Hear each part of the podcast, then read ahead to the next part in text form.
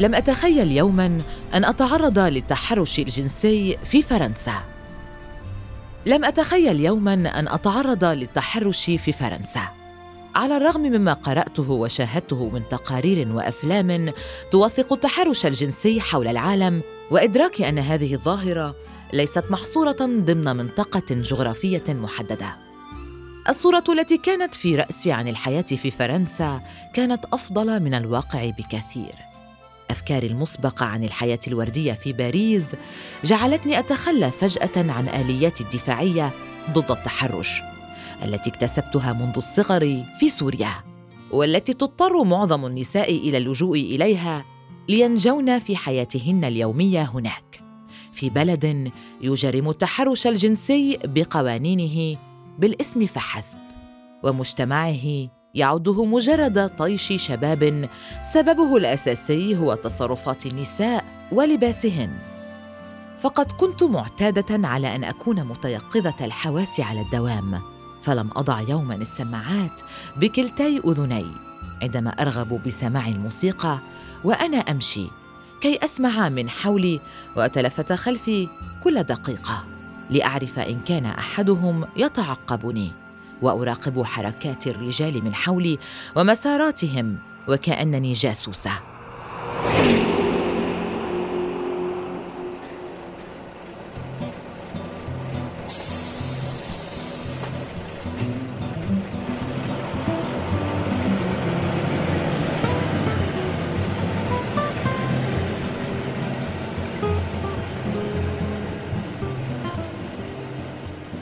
اتجنب الجلوس والنظر إليهم في الحافلة كي لا يظن أحدهم أن ابتسامتي العابرة هي إشارة مسبقة لموافقتي على التحرش.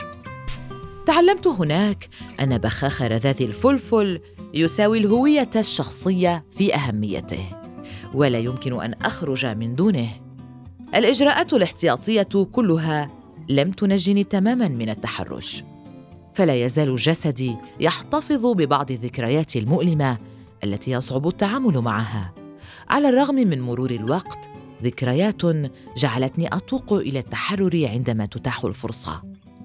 كنت أتلهف لأفتح مع جسدي صفحة جديدة في فرنسا.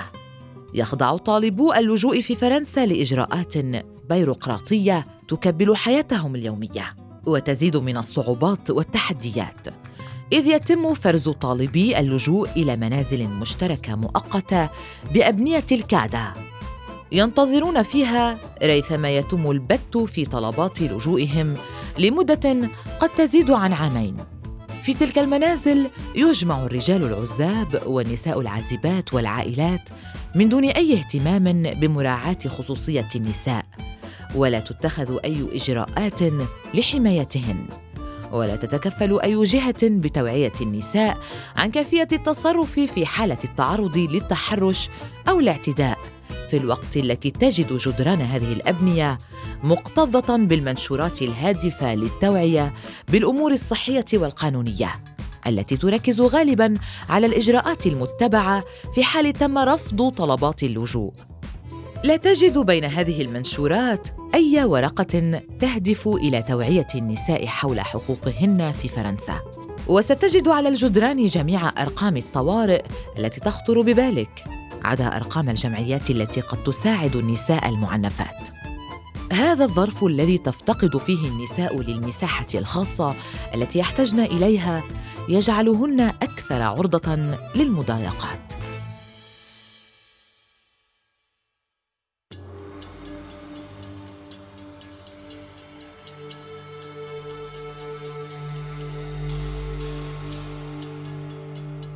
أول ما شعرت به هناك أنني فقدت خصوصية جسدي فإقفال باب الغرفة لا يكفي إذ يمتلك المسؤولون عن المكان مفاتيح احتياطية لا يتوانون عن استخدامها لاقتحام الغرفة في الوقت الذي يحلو لهم. ففي أحد الأيام كنت مرتدية قميص نوم قصير ومستلقية على السرير عندما اقتحم الغرفة فجأة عامل حصل على المفتاح من إدارة الكادة ليجري بعض الإصلاحات في الغرفة. من دون إخبار مسبق دخل العامل من دون أن يقرع الباب. فغطيت جسدي على الفور بغطاء رقيق. لم يهتم العامل حينها بصرختي وأكمل عمله من دون أن ينطق بأي كلمة وكأنه في غرفة خالية. في مرافق المنزل المشتركة كان الوضع يزداد سوءا. كنت أحاول طوال الوقت أن أتجاهل نظرات الجيران الذين يلاحقون بعيونهم جسدي المبلل في أثناء عبوري من الحمام إلى غرفتي. وكنت أتمنى أحيانا أن أختفي في تلك المسافات القصيرة لأتفادى نظراتهم التي تعريني من المناشف السميكة التي تلف جسدي. الأمتار التي تفصل بين غرفتي والحمام كانت دائما ما تثير قلقي. ففي أثناء مروري بها كنت أحرص دائما على إخفاء الفوط الصحية بين ملابسي. الكثير من التفاصيل الصغيرة التي أرهقتني. تفاصيل لا يخطر ببال المنظمات أو الحكومات التعاطي معها بجدية. فاحتياجات النساء مغيبة في كل مكان. لذلك لا داعي للتذمر. بل إنهم يتوقعون منا أن نشكرهم على احتوائنا في هذه المساكن المقيتة. غيرت نظام حياتي بالكامل لأتخطى الظرف وأتحاشى المضايقات. أصبحت أنام نهارا وأستيقظ ليلا عندما ينام الجميع. لأستعمل المطبخ والحمام بحرية أكبر.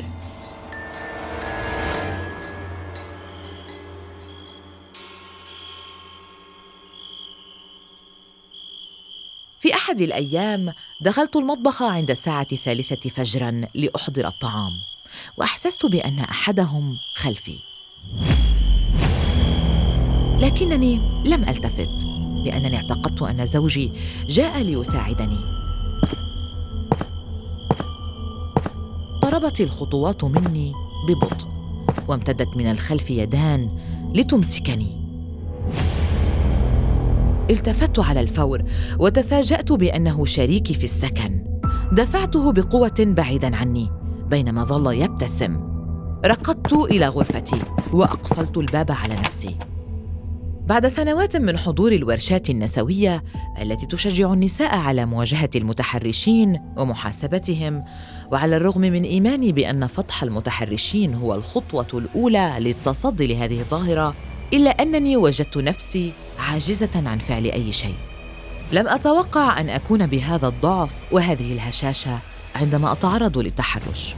لم أتوقع أن أفقد الخبرة والنضج في مواجهة الموقف. وأعود طفلة في السادسة عشر من عمرها. تتعرض للتحرش للمرة الأولى ولا تدرك كيف تتصرف. فتخفي الأمر وكأنه ذنبها وتبكي في الخفاء. دخلت غرفتي وأنا أبكي. فهرع زوجي إلي لمعرفة السبب لكنني كذبت حينها وأخبرته بأنني رأيت فارا في المطبخ. خذلت نفسي وصمت يومها وكانت لذلك آثار سلبية في الأيام التالية إذ بدأ جاري بالتمادي أكثر فأكثر. وبات يلاحقني ليلا كلما خرجت من غرفتي وينظر إلي ويبتسم. فأشعر بالذعر لظهوره المفاجئ. وفي إحدى المرات خرجت من غرفتي لاستعمال الحمام وعندما سمع صوت خطواتي في الممر خرج من غرفته عاريا ووقف وهو يبتسم. فركضت إلى غرفتي على الفور وعزمت على فتح الأمر.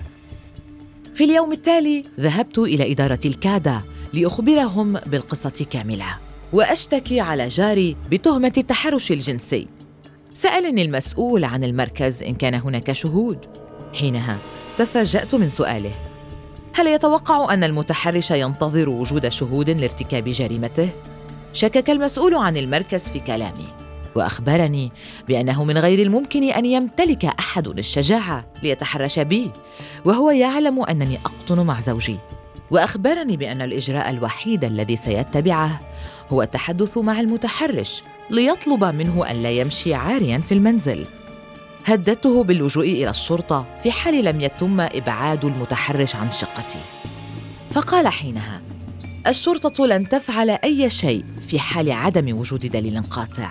وأشار إلى أن هذا التصرف سيعرض سمعة الكاده للخطر وسيؤدي غالبا إلى حرماني من السكن أو على الأقل سيؤدي إلى نقلي إلى غرفة أصغر.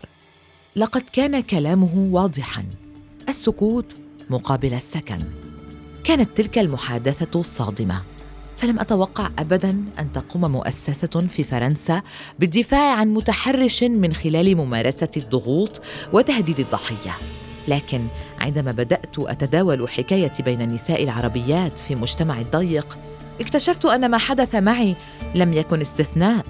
فعدد كبير من النساء من حولي تعرضن للضغوط من قبل الموظفين لعدم تقديم أي شكوى حول الانتهاكات التي حدثت معهم في مراكز طالبي اللجوء. جميع الحكايات تشترك في نقطة أساسية هي أن النساء يتراجعن عن الشكاوى التي يقدمونها بسبب الخوف من المخاطرة في إجراء بلاغ عديم الجدوى لأن قوانين التحرش الجنسي في فرنسا فضفاضة وتصب في مصلحة الذكور فلا يتم العمل بها من دون وجود شهود. وفي معظم الحالات المثبتة يكتفون بتغريم المتحرش بمبلغ مالي عقابا على ما ارتكبه. ففي عام 2019 تعرضت الشابة ماري لادجر للتحرش اللفظي في وسط شوارع باريس. وعندما حاولت أن ترد على المتحرش قام بالاعتداء عليها بالضرب. صورت الحادثة ونشرتها على وسائل التواصل الاجتماعي. فقامت السلطات بتغريم المتحرش بمبلغ 1500 يورو لاعتدائه بالضرب على لاتجر ولم يدن بالتحرش. الشكوى التي تقدمت بها لإدارة الكادة لم تزد الوضع إلا سوءاً. فبعد أن علم المتحرش بأنني اشتكيت عليه أصبح أكثر عنفاً. لقد كان أجبن من ارتكاب أي شيء بحضور زوجي. لذلك كان يقتنص أي فرصة يغيب فيها ليتقصد ترهيبي. وفي أحد الأيام حمل سكينا وشهره في وجهي وكأنه يريد قتلي. يومها اتصلت بالشرطة على الفور. لكنهم لم يأتوا بل اكتفوا بالتواصل مع إدارة المركز لحل الأمر داخلياً. وكأن الانتهاكات التي يتعرض لها طالبو اللجوء أقل شانا من أن تشغل بالهم. جاء المسؤولون عن الكاد إلى غرفتي بعدها وبدأوا يوبخونني على الاتصال بالشرطة من دون رجوع إليهم وطلبوا مني حزم أمتعتي لينقلوني إلى غرفة أصغر. حينها بدأت أصرخ. وأخبرتهم بأنني صحفية وسأكتب عما حدث معي لديهم وكيف أجبروني على العيش مع المتحرش. ليعلن المسؤول فجأة أنه من أشد الداعمين لحقوق النساء وأنه سيحاول إقناع إدارة الكادة بنقل جاري المتحرش على الرغم من عدم وجود أدلة. في اليوم التالي تم نقله من شقتنا في الطابق الأول إلى شقة في الطابق الثالث من البناء ذاته. والأسوأ من ذلك أن شقته الجديده لا يشاركه فيها سوى أم عزباء عراقية تعيش برفقة طفلين صغيرين ليبدو أنهم يكافئون المتحرش بوضعه أمام فريسة أسهل. وهناك ارتكب جريمته الجديدة حين تحرش بجارته الجديدة وضربها حين تمنعت عنه وهرب بعد أن تركها مرمية على الأرض وأطفالها يصرخون حولها.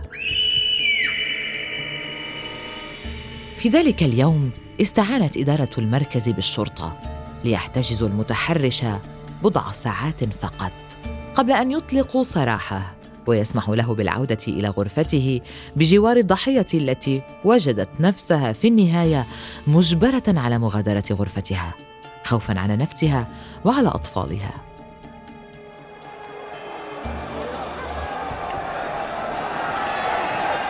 الشهر الماضي خرجت مظاهرات نسائية في أنحاء فرنسا كافة لتطالب الحكومة بالمزيد من الإجراءات لوقف العنف ضد النساء مع ازدياد حالات التحرش والانتهاكات الجنسية في البلاد.